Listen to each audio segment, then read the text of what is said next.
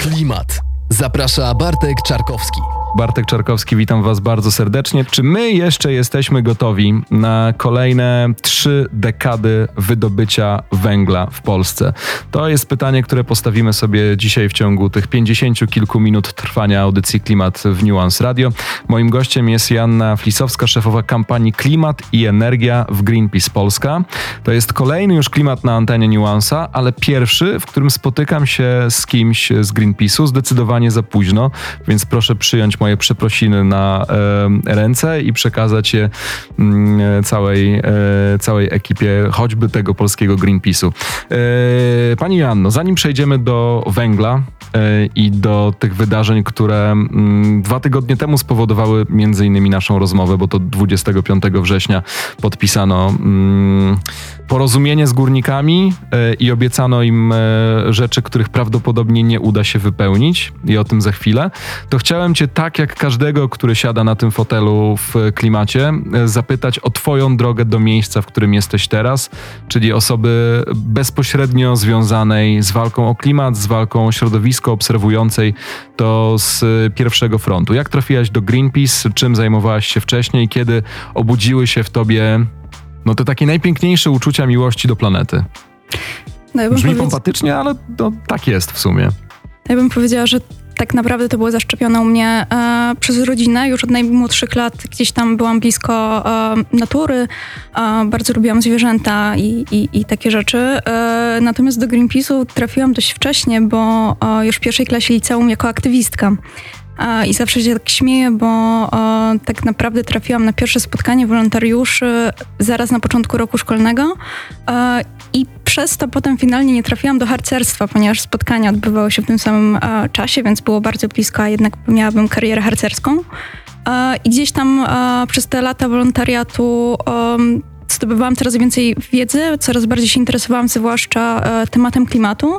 E, natomiast tak e, zawodowo zaczęłam się angażować pod koniec studiów, kiedy dostałam moją pierwszą pracę w organizacji pozarządowej, gdzie zaczęłam już się zajmować stricte tematem transformacji energetycznej, energetyki węglowej. Potem bardziej przeszłam na kwestie międzynarodowej, polityki klimatycznej i teraz od kilku miesięcy pracuję dla Greenpeace Polska. A ten wolontariat dla Greenpeace'u w pierwszej klasie liceum to była taka potrzeba serca, bardziej przypadek, czy wiedziałaś, że E, jak już przeskoczysz z tego jednego toru edukacyjnego, czyli gimnazjum lub e, szkoły podstawowej, to będziesz chciała e, robić coś więcej niż tylko siedzieć od 8 do 15 w szkole.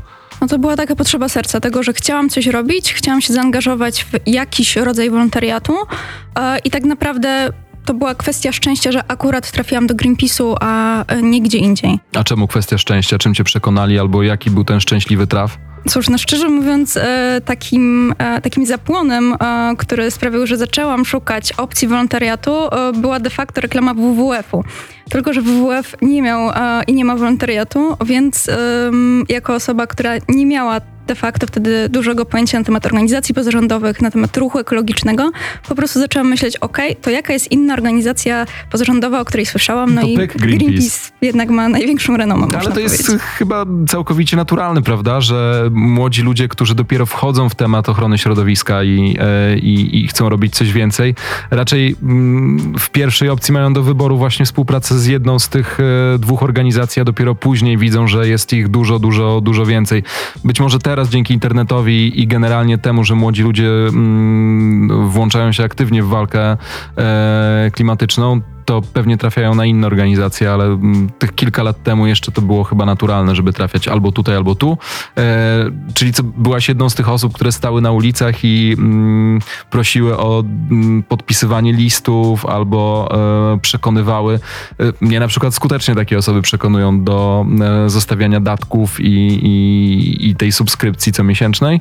A więc tak zaczynałaś? Połowicznie nie, ponieważ te osoby, które e, przekonują na ulicach e, codziennie osoby do tego, żeby przekazywały regularne datki na e, naszą fundację, to są fundraiserzy. To są osoby, które pracują i w ramach swojej pracy po prostu przekonują ludzi do tego, żeby wspierali naszą organizację długofalowo, bo tylko dzięki temu jesteśmy w stanie um, utrzymać naszą niezależność. E, natomiast ja jako wolontariuszka faktycznie e, czasami zdarzało mi się zbierać e, podpisy pod petycjami, czy na przykład podczas kiedy zbieraliśmy podpisy pod inicjatywą ustawodawczą w sprawie rozszerzenia Parku Narodowego w Białowieskim Parku Narodowym jeszcze bodajże w 2010 roku, um, ale też dużo innych rzeczy. Prowadziliśmy prelekcje dla młodzieży, um, pojawialiśmy się na różnych warsztatach, um, organizowaliśmy też małe happeningi.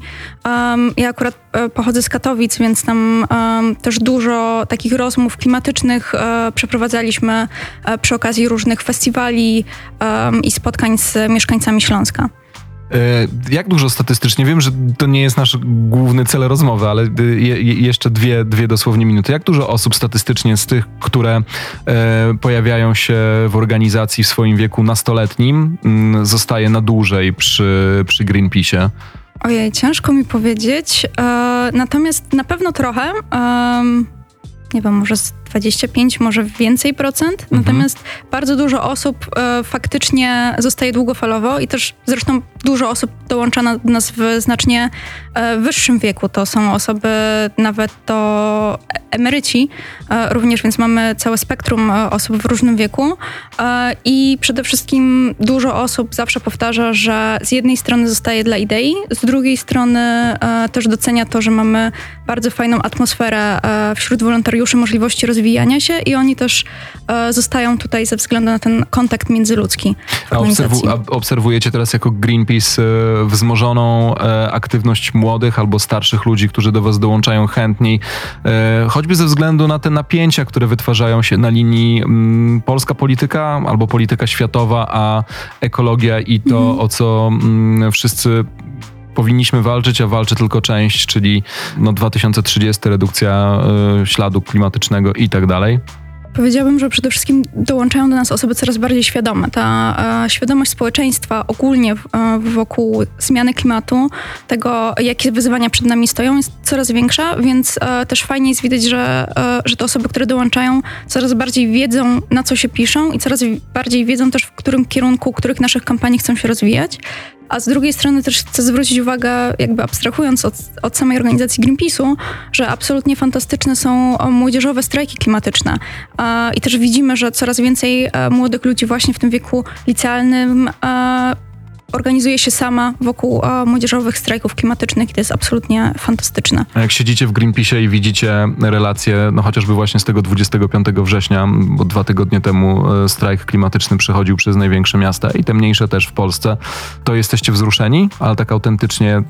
E, ja akurat prowadziłem audycję dwa tygodnie temu, kiedy strajk mijał naszą, e, naszą siedzibę, bo tak była poprowadzona trasa strajku, ale jak potem oglądałem zdjęcia, te niesamowite transparenty wulkan kreatywności młodych ludzi, którzy potrafią świetnie nawiązywać do aktualnych wydarzeń kulturalnych, popkulturalnych, y, wplatając w to y, swoje hasła klimatyczne, no to zawsze mam tutaj taką, wiesz, gulę nad brzuchem i autentyczne wzruszenie, że oni to, że oni to robią i że może jeszcze mamy, mamy szansę. W Greenpeace ocieracie łzy, patrząc na nich?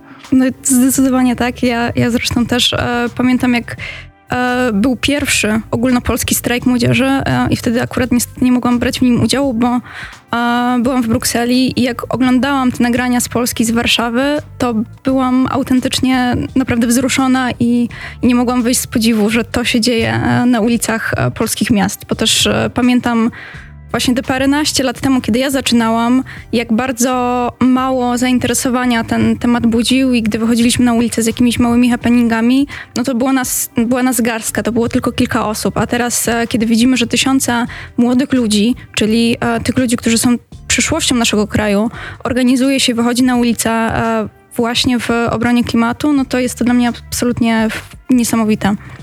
I te tysiące młodych ludzi e, za trzy dekady będą mieli lat e, plus minus 50 i usiądą przed e, radioodbiornikami, jeśli jeszcze takowe będą, albo przed telewizorami, chociaż pewnie znacząca większość z nich będzie korzystała z jakiegoś medium, którego pewnie jeszcze teraz nie wymyślono i przeczytają taką informację, że w Polsce właśnie wydobyto ostatnią bryłkę węgla i ostatni wagonik wyjechał z jakiejś tam e, kopalni albo w Małopolsce, albo na e, Górnym Śląsku. I to jest temat naszego dzisiejszego spotkania. Klimat. Zaprasza Bartek Czarkowski. Co robimy z węglem, co robimy z kopalniami i rozmawiamy o tym dzisiaj z Janną e, Wcisowską, szefową kampanii Klimat i Energia e, Greenpeace Polska, ale to przypadek, że e, wychowywałaś się w Katowicach i mm, zajęłaś się w Greenpeace akurat tym fragmentem polskiej gospodarki i e, jej styku ze środowiskiem. Tak, raczej tak. Nie, nie, nie widzę jakiegoś bezpośredniego powiązania z miejscem, gdzie się wychowywałam. No dobrze, to wykorzystajmy te rodzinne konotacje Taco Hemingwaya i zapytajmy, tak jak Tomasz Lis, e, nie co z tą Polską, tylko co z tym węglem. Rok 2020, dowiadujemy się dwa tygodnie temu od no de facto premiera Morawieckiego, tak, bo to on e, podpisywał list e, z górnikami. Tak to nazwijmy w skrócie, bo tak naprawdę to jest dużo bardziej skomplikowana sprawa. Obiecując im zatrudnienie do roku 2049, czyli jeszcze przez 29 lat będą w Polsce funkcjonowały kopalnie, mimo że i tutaj e, po raz pierwszy e, skorzystam ze statystyk, e, w ciągu ostatnich 30 lat to wydobycie węgla e, spadło o 120 milionów ton. W roku 1989 w Polsce w kopalniach wydobywano 180 milionów ton węgla rocznie. E, w ubiegłym roku było to nieco ponad, ale naprawdę nieco ponad 60 e, milionów ton, co pokazuje, że raczej tendencja jest spadkowa niż e, zwyżkowa. Mhm, tak, ta tendencja jest zdecydowanie spadkowa i tutaj bardzo się cieszę, że zaznaczyłeś, że to nie jest jakaś e, chwilowa tendencja, to nie jest efekt ostatnich kilku lat, tylko to jest stała tendencja spadkowa, która utrzymuje się już od ponad 30 lat. A, i jeżeli... Rekordowe wydobycie węgla miało miejsce chyba w którymś e, z lat 70., tak. któryś rocznik lat 70. i to było 200 milionów e, ton rocznie. Tylko, że wtedy były inne czasy i przede wszystkim polska gospodarka w 100% była uzależniona od, e, od węgla. Dokładnie. Od tego czasu to wydobycie regularnie spada w Polsce. No i tak jak zwrócić uwagę, ten, ta tendencja utrzymuje się już od 30 lat i jeżeli dalej będzie się utrzymywać tylko w tym samym tempie, co przez ostatnie 30 lat, to my skończymy to wydobycie gdzieś w drugiej połowie lat 30. Natomiast biorąc pod uwagę też to, że um, w międzyczasie będziemy musieli odchodzić od energetyki węglowej w Polsce, to ta tendencja może tylko i wyłącznie przyspieszyć. I to pokazuje, jak bardzo nierealne jest to porozumienie, które zostało podpisane z górnikami pod koniec września.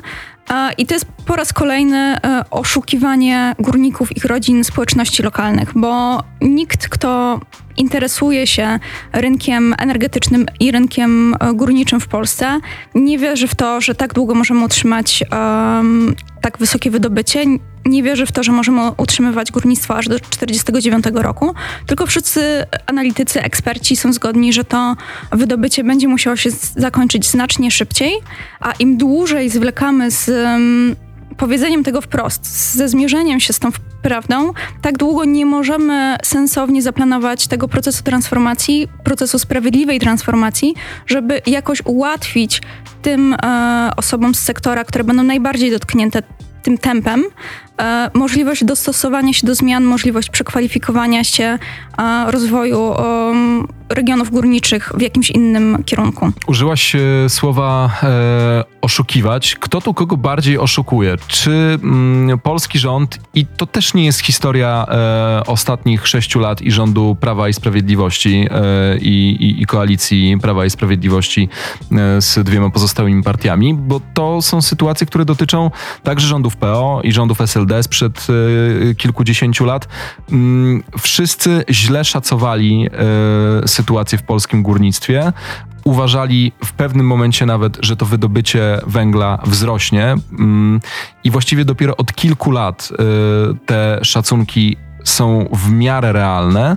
Natomiast y, wiesz, jedno to, to rządzący, y, którzy takimi porozumieniami jak to sprzed dwóch tygodni walczą o swoje przyszłe głosy, ale druga strona, która podpisuje te listy, to są górnicy. E, obecnie w Polsce mamy e, czynnych górników e, około 80 tysięcy. Tu też jest gigantyczny spadek.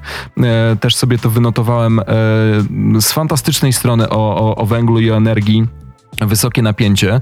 E, polecam, e, może nie w czasie klimatu, ale później, nie wiem, wieczorem można sobie usiąść. Nie jest to może, jak mówimy o tym, super pasjonująca lektura, lektura ale jak już się usiądzie do tej strony i wejdzie w kolejne artykuły, to szapoba, jak e, w prosty, przystępny sposób można pisać o węglu.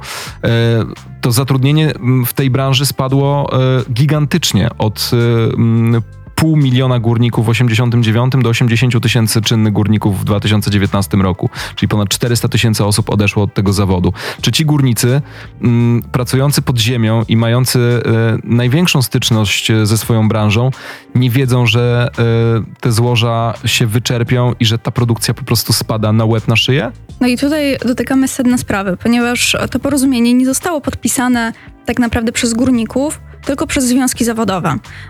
I tutaj trzeba to rozróżnić bardzo wyraźnie, ponieważ związki zawodowe, związkowcy też tak naprawdę mają swoje interesy, które nie zawsze są zbieżne z interesami tych um, przeciętnych górników, którzy pracują na dole pod ziemią. I tutaj uważam, że ci związkowcy są absolutnie świadomi też tego, jakie są trendy, tylko również wygodniej im jest e, podpisać kolejne porozumienie, które na chwilę um, odkłada w czasie ten problem, pozwala na może jeszcze kilka lat w najlepszym przypadku utrzymanie tego statusu quo, e, które jest teraz, Uważasz, a że później ci, będziemy się martwić. Że związkowcy są na tyle wyrachowani, mm, że wiedzą, że za kilka lat oni i tak już nie będą na tym stanowisku, e, albo dlatego, że coś się zmieni we władzach związkowych, albo dlatego, że przejdą na emeryturę, bo w górnictwie wiadomo, że ten wiek emerytalny jest dużo niższy niż e, w innych gałęziach e, polskiej gospodarki i że oni sobie po prostu myślą, OK, podpiszemy teraz we wrześniu 2020, nas i tak już tutaj nie będzie w 2025, to będą się martwić nasi, e, nasi następcy. Z drugiej strony związki zawodowe w grupach węglowych są wybierane chyba przez, e, mm, przez górników są jakąś reprezentacją załóg, które codziennie w trzech fazach zjeżdżają pod ziemię. Mhm. Znaczy, nie chcę tutaj się wypowiadać, czy to jest wyrachowanie, czy coś innego, co stoi za tymi um, działaniami. Natomiast no, nie ulega wątpliwości, że muszą mieć świadomość tego, jak wyglądają te trendy. Muszą mieć świadomość tego, że na przykład polityka klimatyczna do tej pory w ogóle nie wpłynęła na to, jaka jest sytuacja w górnictwie, a jest tragiczna od lat, od e, wielu, wielu rządów. I to jest tak, że każdy rząd po kolei pod naciskami związków zawodowych e, tylko przykleja taki plasterek i zamiast leczyć to, gdzie jest problem i doprowadzić do jakiejś głębokiej transformacji sektora, tak żeby e, umożliwić jeszcze tym najbardziej rentownym kopalniom jakieś funkcjonowanie na trochę dłużej, a zająć się tymi, które mają największe problemy już teraz. A z drugiej strony ewidentnie też widać, że mm, brakuje dialogu z takimi e, przeciętnymi górnikami, ponieważ po pierwsze nie wszyscy górnicy też są zrzeszeni w związkach zawodowych, a z drugiej strony widać też, że ci związkowcy, którzy prowadzą rozmowy, oni e, są na tych stanowiskach już od wielu, wielu lat, ogrywali wiele, wiele rządów e, do tej pory i to też widać po tych e, właśnie założeniach rządowych co do wydobycia. Mm, one zawsze są nazbyt optymistyczne i nie sądzę, że dlatego, że nikt nie przewiduje tych spadków, tylko dlatego, że pod naporem e, związkowców, pod naporem opinii publicznej trzeba wykazać, że to się będzie jakoś dało, utrzymamy mm, dalej to wydobycie, a tak naprawdę wiemy, że się będzie dalej e, sypała sytuacja. Mój wzrok ucieka mm, w stronę ekranu komputera, bo zerkam na list e, twojego szefa, ale sądzę, że też e, sytuacja w Greenpeace jest taka, że można powiedzieć kolegi e, Pawła Szypulskiego, dyrektora programowego Greenpeace Polska. I to jest taki mm, fragment, niestety wszystko wskazuje na to, że po raz kolejny zwykli górnicy i ich rodziny zostali wprowadzeni w błąd, a ich los nie był przedmiotem prawdziwej troski obu stron porozumienia, czyli związków, o których mówisz i partii rządzącej. Z uwagi na kompletne oderwanie od rzeczywistości prawnej, gospodarczej i politycznej, w jakiej funkcjonujemy, zarówno na poziomie krajowym, jak i Unii Europejskiej. Już w momencie ogłaszania plan pozbawiony jest szans na wdrożenie w życie. E, ważnym fragmentem tego cytatu jest Unia Europejska, mm, bo to też nie jest tak, że to, co sobie podpisano 25 września, nie jest e, widoczne z okien w Brukseli, która patrzy na polskie górnictwo i na polską gospodarkę i co Bruksela mówi o polskich kopalniach. Na razie Bruksela czeka na, na oficjalne um, zgłoszenie tego, co tam zostało podpisane. Natomiast e, Unia Europejska już od dawna podkreśla, że jest gotowa wspomóc Polskę w tej transformacji, że będą środki na sprawiedliwą transformację i że e, bardzo głęboko na sercu Komisji Europejskiej, jak i innym instytucjom europejskim leży dobro polskich regionów górniczych i że są gotowi szukać pieniędzy na to, żeby umożliwić tę transformację. Natomiast tutaj kluczowym elementem tego jest gotowość do transformacji, a nie utrzymywanie dalej statusu quo, co proponuje strona rządowa i związkowa w tej chwili. I tutaj um, też ciekawe, że nawiązałeś do tego porozumienia z tego względu, że pomijając fakt nierealistycznych założeń pod tytułem e, utrzymanie wydobycia węgla do 2049 roku, z drugiej strony e, to porozumienie ma wejść w życie dopiero wtedy, kiedy Komisja Europejska zatwierdzi pomoc publiczną dla polskich kopalń na e, finansowanie bieżącej działalności, czyli na de facto dosypywanie znowu z naszych podatków na utrzymanie dział działalności e, Polskiej Grupy Górniczej. E, I tu są dwa problemy, ponieważ Komisja Europejska, chociażby chciała się zgodzić na taką pomoc publiczną, na taki subsydia, to po prostu nie może, bo tego zakazuje prawo unijne. I ja nie jestem w stanie sobie wyobrazić, że przedstawiciele rządu, którzy podpisywali to porozumienie, nie są tego świadomi, że zasady pomocy publicznej w Unii Europejskiej po prostu zakazują tego, co konieczne jest do gdyby, tego, żeby to porozumienie byli, weszło w życie. Gdyby byli nieświadomi, to no, mm, trudno nie zadać pytania, co w takim razie robią na swoich stanowiskach, skoro nie znają e, najważniejszych e, praw dotyczących współpracy pomiędzy krajami członkowskimi. Zastanawiam się, czy w ogóle jest jakiś ratunek e, dla kopalń i czy wy jako e, Greenpeace Wspieralibyście sytuację, w której z tych wszystkich kopalń zrzeszonych w polskiej grupie mm, górniczej wybiera się dwie, trzy, te najbardziej rentowne i te, w których wydobycie może trwać nawet dłużej niż do tego 2049, jeśli złoża na to y, pozwolą, a zamknięcie kilku y, tych najmniej rentownych, gdzie rzeczywiście dopłaca się y, miliony złotych do, do rocznej produkcji, czy to jest jakieś rozwiązanie? No niestety nie. Ciężko mi sobie wyobrazić, po co ten węgiel miałby być wydobywany jeszcze w 1949 roku, kiedy z perspektywy ochrony klimatu, z perspektywy zatrzymania katastrofy klimatycznej, to my tak naprawdę powinniśmy uzyskać neutralność klimatyczną w Unii Europejskiej już do 2040 roku. E, to oznacza, że nie ma miejsca już po 2030 roku na spalanie węgla w energetyce e, i na użytkowanie węgla na przykład w produkcji stali. Niedługo już później będziemy musieli też e, z tego zrezygnować, więc ciężko mi sobie wyobrazić sytuację, w której byłoby po co wydobywać ten węgiel dalej. Prosta matematyka e, mówi, że skoro e, neutralność klimatyczna do 2030, a wydobywanie węgla do 2049, to właściwie przez 19 lat ten węgiel będziemy wydobywać po nic tylko po to, żeby e, utrzymać porozumienie, pewnie jedno z wielu, jakie jeszcze będzie e, negocjowane i potem podpisywane, pomiędzy polskim rządem, nieważne kto nim będzie, i e, związkowcami Polskiej Grupy Górniczej. Czyli 19 lat wydobycia węgla po nic. Dokładnie z, tym, z tą drobną poprawką, że neutralność klimatyczna do 2040 roku, koniec węgla w energetyce do 2030. Jest jeszcze jeden istotny wątek, czyli importowanie węgla do Polski. Mm, tutaj też starałem się wczoraj wdrożyć, przygotowując do, do spotkania z Tobą w temat.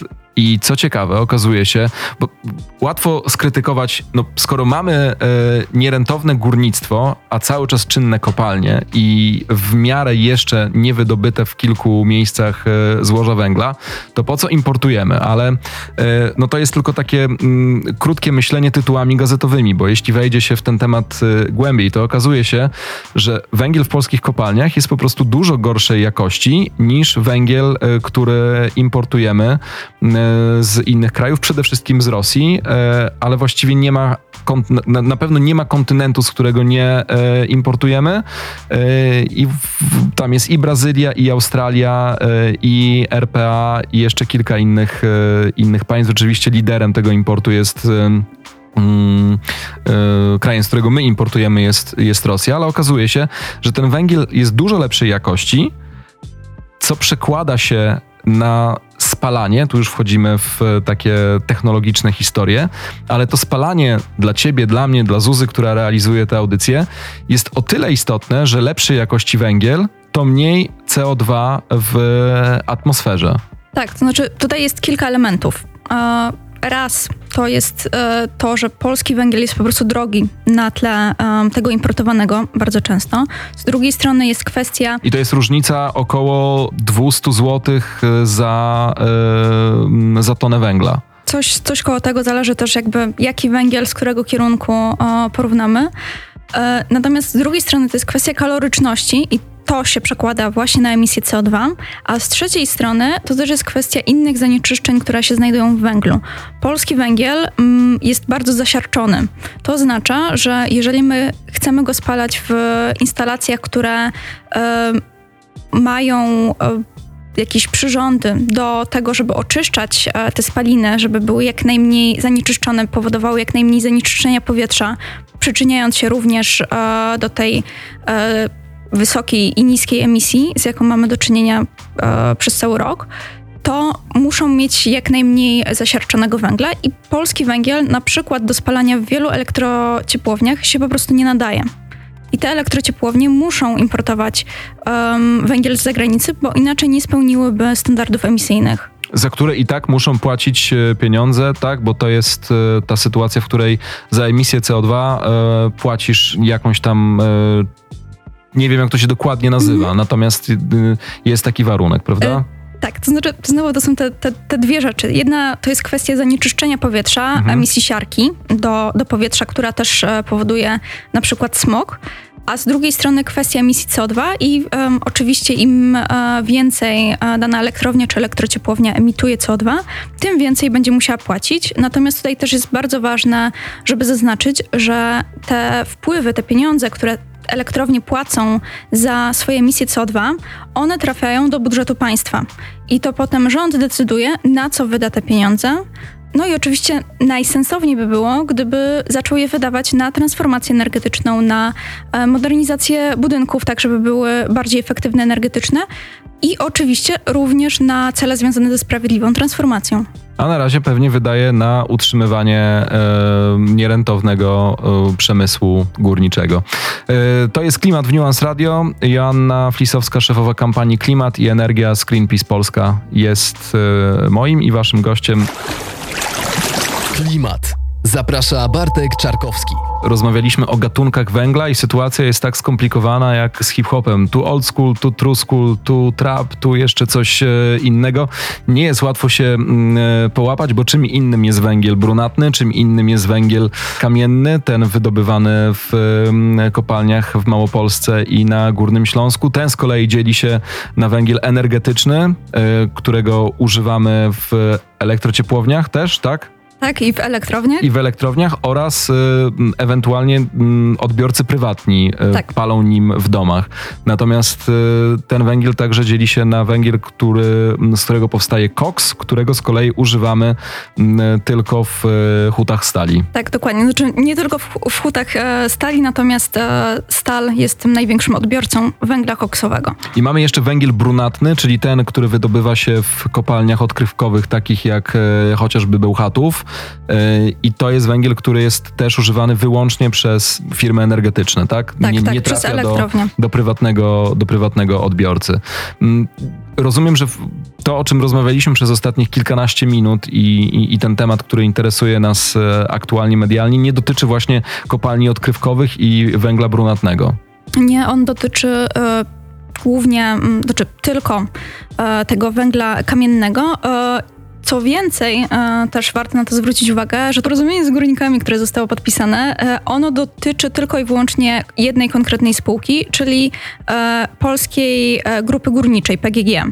I to też pokazuje słabość tego porozumienia, ponieważ znowu zamiast kompleksowego zaplanowania transformacji całego sektora górniczego, sprawiedliwej transformacji całych regionów górniczych, mamy rozwiązanie tylko i wyłącznie dla jednej konkretnej spółki i które w ogóle nie zajmuje się tym, co po węglu, jakie są alternatywy, tylko tym, e, że wyznaczona jest jakaś data, tym, że dla górników mamy e, odprawy lub zapewnienie pracy do emerytury, ale nie ma żadnych praktycznych, faktycznych alternatyw dla tych górników, którzy chcieliby zacząć się zajmować czymś innym. Nie ma wsparcia w tym, żeby oni się mogli przekwalifikować, nie ma planów wsparcia rozwoju innych um, gałęzi gospodarki w regionie na przykład Śląska, ale też w tych e, pozostałych e, regionach górniczych, które również będą musiały przechodzić przez e, proces transformacji w najbliższych latach.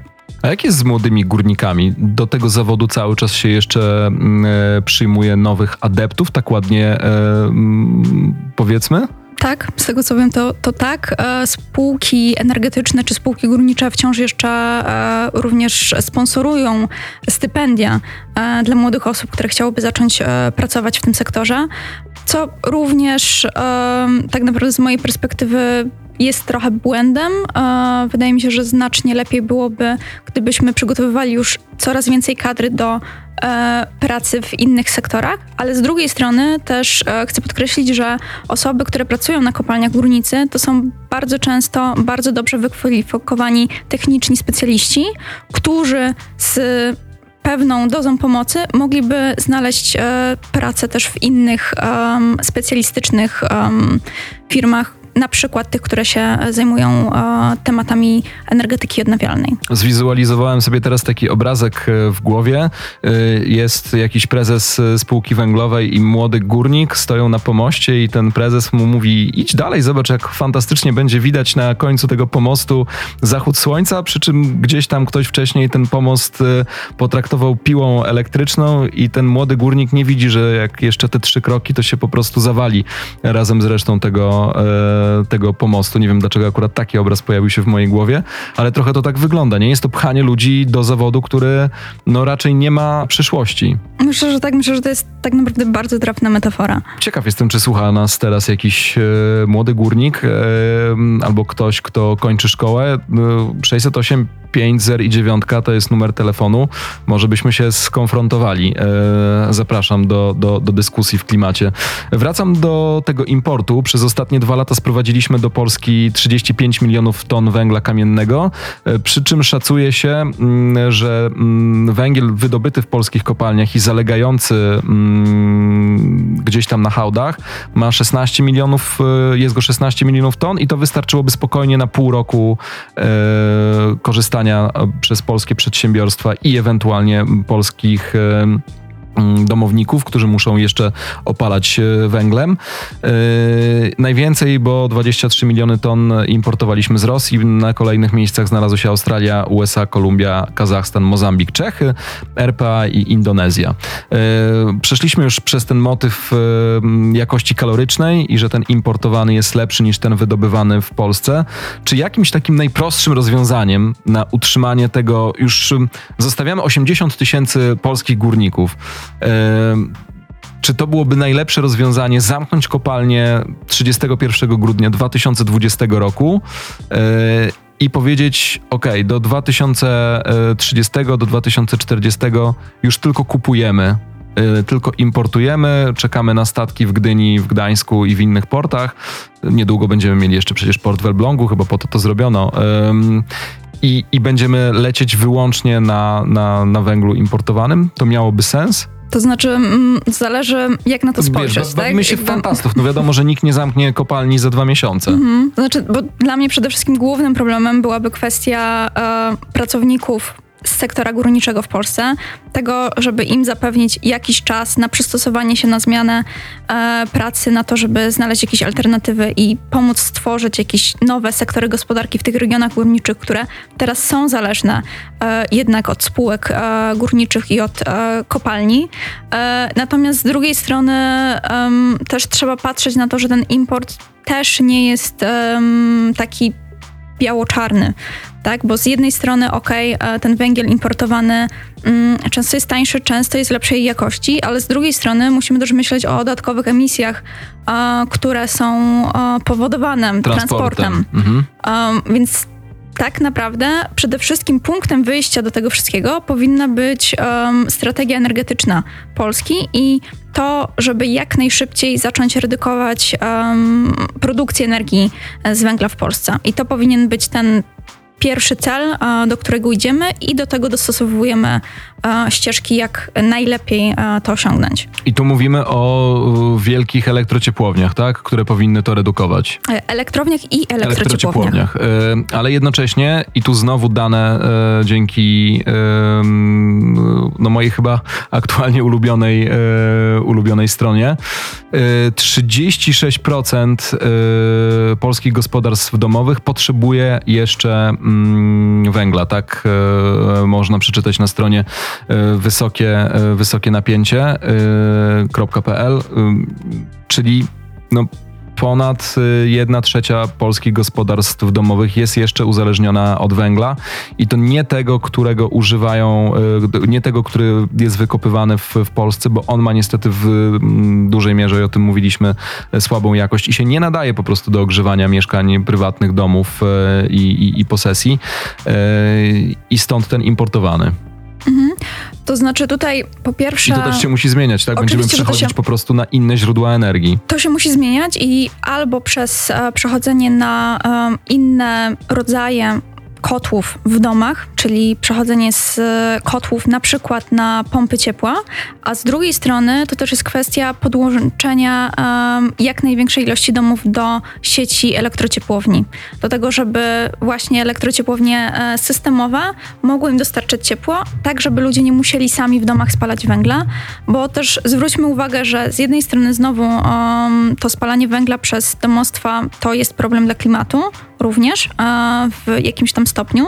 Natomiast z drugiej strony Właśnie, ten, ten węgiel, który nie nadaje się do spalania przez elektrownię, nagle nadaje się do spalania przez e, domy. I nawet jeżeli e, w wielu domach są coraz lepsze te kotły, które e, również gdzieś tam ograniczają emisję, zanieczyszczeń z węgla w domach, to wciąż ten węgiel nigdy nie będzie czystym źródłem energii, zawsze będzie powodował dodatkowe zanieczyszczenie powietrza i przyczyniał się również do powstawania smogu w miastach. Pracowałaś przez e, lata w Brukseli, więc e, wiesz, jak to wygląda e, od wewnątrz, jeśli chodzi o Unię, Europejskie, o Unię Europejską. Austria zakończyła wydobycie węgla w, i to jest niewiarygodne, w 1965 roku. O oh, wow, to nawet nie e, wiedziałam. E, czyli w momencie, w którym, jeśli trzymamy się tych dat, o których rozmawiamy, 2049, mm, e, to Austriacy na nas spojrzą i zrobią tak, ej, my to zrobiliśmy 85 lat temu, e, Holandia w 1976, Irlandia 30 lat temu w 90, Węgry, Belgia i Szwecja w 92, Chorwacja w 99, Rumunia 2003, Francja i Serbia Serbia 15 lat temu i tak dalej, i tak dalej. E, ostatnio Niemcy i Hiszpania w 2018. Jak u nich wychodziło, e, jak u nich wyglądało zamykanie tego, tego biznesu i tej gałęzi gospodarki? No, u nich też to był długi proces, proces. i na pewno nie był łatwy. Jakby nie, nie, nie możemy się oszukiwać, że proces odchodzenia od e, sektora górniczego jest procesem łatwym, który można przeprowadzić bezboleśnie tak nie jest po prostu.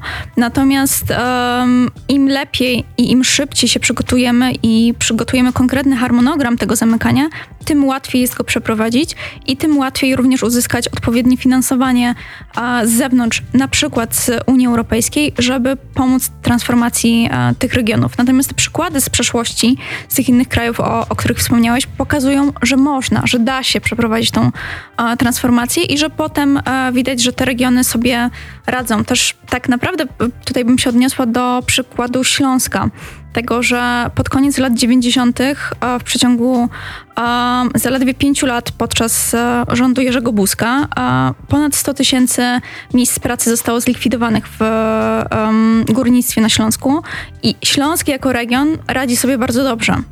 Ma drugi najniższy stopień bezrobocia w Polsce i, i się dalej rozwija. Czym się zajęli górnicy mm, w tym okresie 90, 1997-2001, bo to były mhm. chyba rządy Jerzego Buzka? I tutaj przejdę do tej, tej problematycznej części, to znaczy to, na co zwróciłam uwagę, to to, że region jako cały sobie poradził. Natomiast problem w tym procesie transformacji, który był wtedy przeprowadzany, był, był taki, że to była transformacja nagła. To był proces, który był nieprzygotowany i w którym nie było jakiś, jakiegoś planu i strategii tego, jak pomóc tym pracownikom, tylko dostali odprawę i musieli sobie radzić sami. I niektórzy z nich poradzili sobie, założyli własne firmy, przeszli do innych sektorów, natomiast um, wielu ludzi sobie po prostu z tym nie poradziło, nie udźwignęło tego, ponieważ nikt im nie pomógł w tym, żeby się przekwalifikować, żeby um, doradzić im, w jaki sposób zainwestować te pieniądze z odprawy i tak dalej. Skończyło tak się na kupnie e, Lanosów i, e, i innych samochodów na, DEU. Pamiętam, że tak się,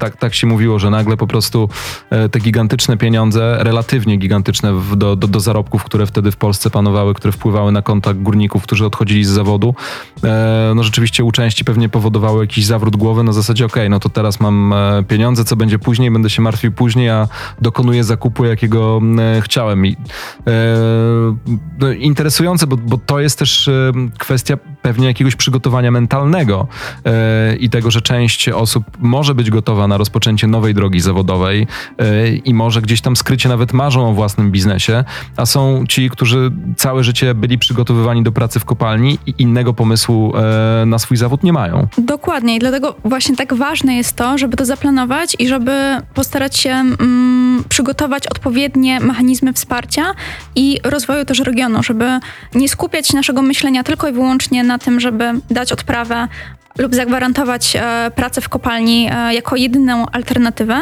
tylko żeby myśleć o tym, w jaki sposób ułatwić, umożliwić przejście do o, innych sektorów, jak pobudzić gospodarkę w danym regionie, w danych miejscowościach i stworzyć nowe miejsca pracy, nowe możliwości dla tych ludzi.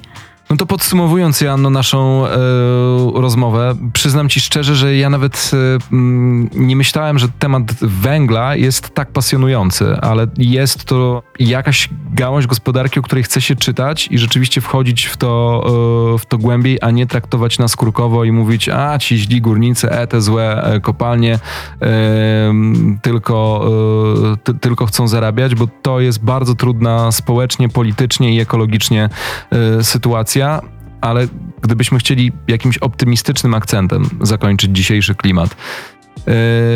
Wy nie wierzycie w ten 2049, uważacie, że to się skończy yy, wcześniej yy, i pewnie skończy się mm, nieprzyjemnie, bo kopalnie będą nadal generować koszty, a pomysłów na to, jak zagospodarować tę gigantyczną nadal grupę pracowników, e, no pewnie będą wyglądały tak, jak e, ostatnie prace nad tym, jak przygotować się na drugą falę pandemii, e, przy zachowaniu oczywiście wszystkich proporcji. Jest gdzieś jakieś światełko w tunelu? No ja wciąż wierzę, że jeszcze mamy moment na to, żeby dokonać jakiejś autorefleksji tej, tej sytuacji i wciąż wyjść z niej właśnie w sposób pozytywny, wciąż mamy jeszcze czas, żeby zaplanować tę transformację w sposób odpowiedzialny i żeby na niej skorzystać, bo mm, to to jest plusem w tej całej sytuacji. Powiedziałabym, że mm, jak patrzymy na to wydobycie węgla, na to, że to jest sektor schyłkowy, on by się kończył tak czy owak.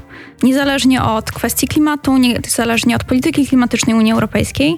Natomiast dzięki temu, że dążymy do tych wysokich celów klimatycznych, dzięki temu, że jest polityka klimatyczna Unii Europejskiej, to my możemy skorzystać e, na tym procesie transformacji, który jest nieuchronny, którego my nie jesteśmy w stanie e, dużo dłużej e, odkładać.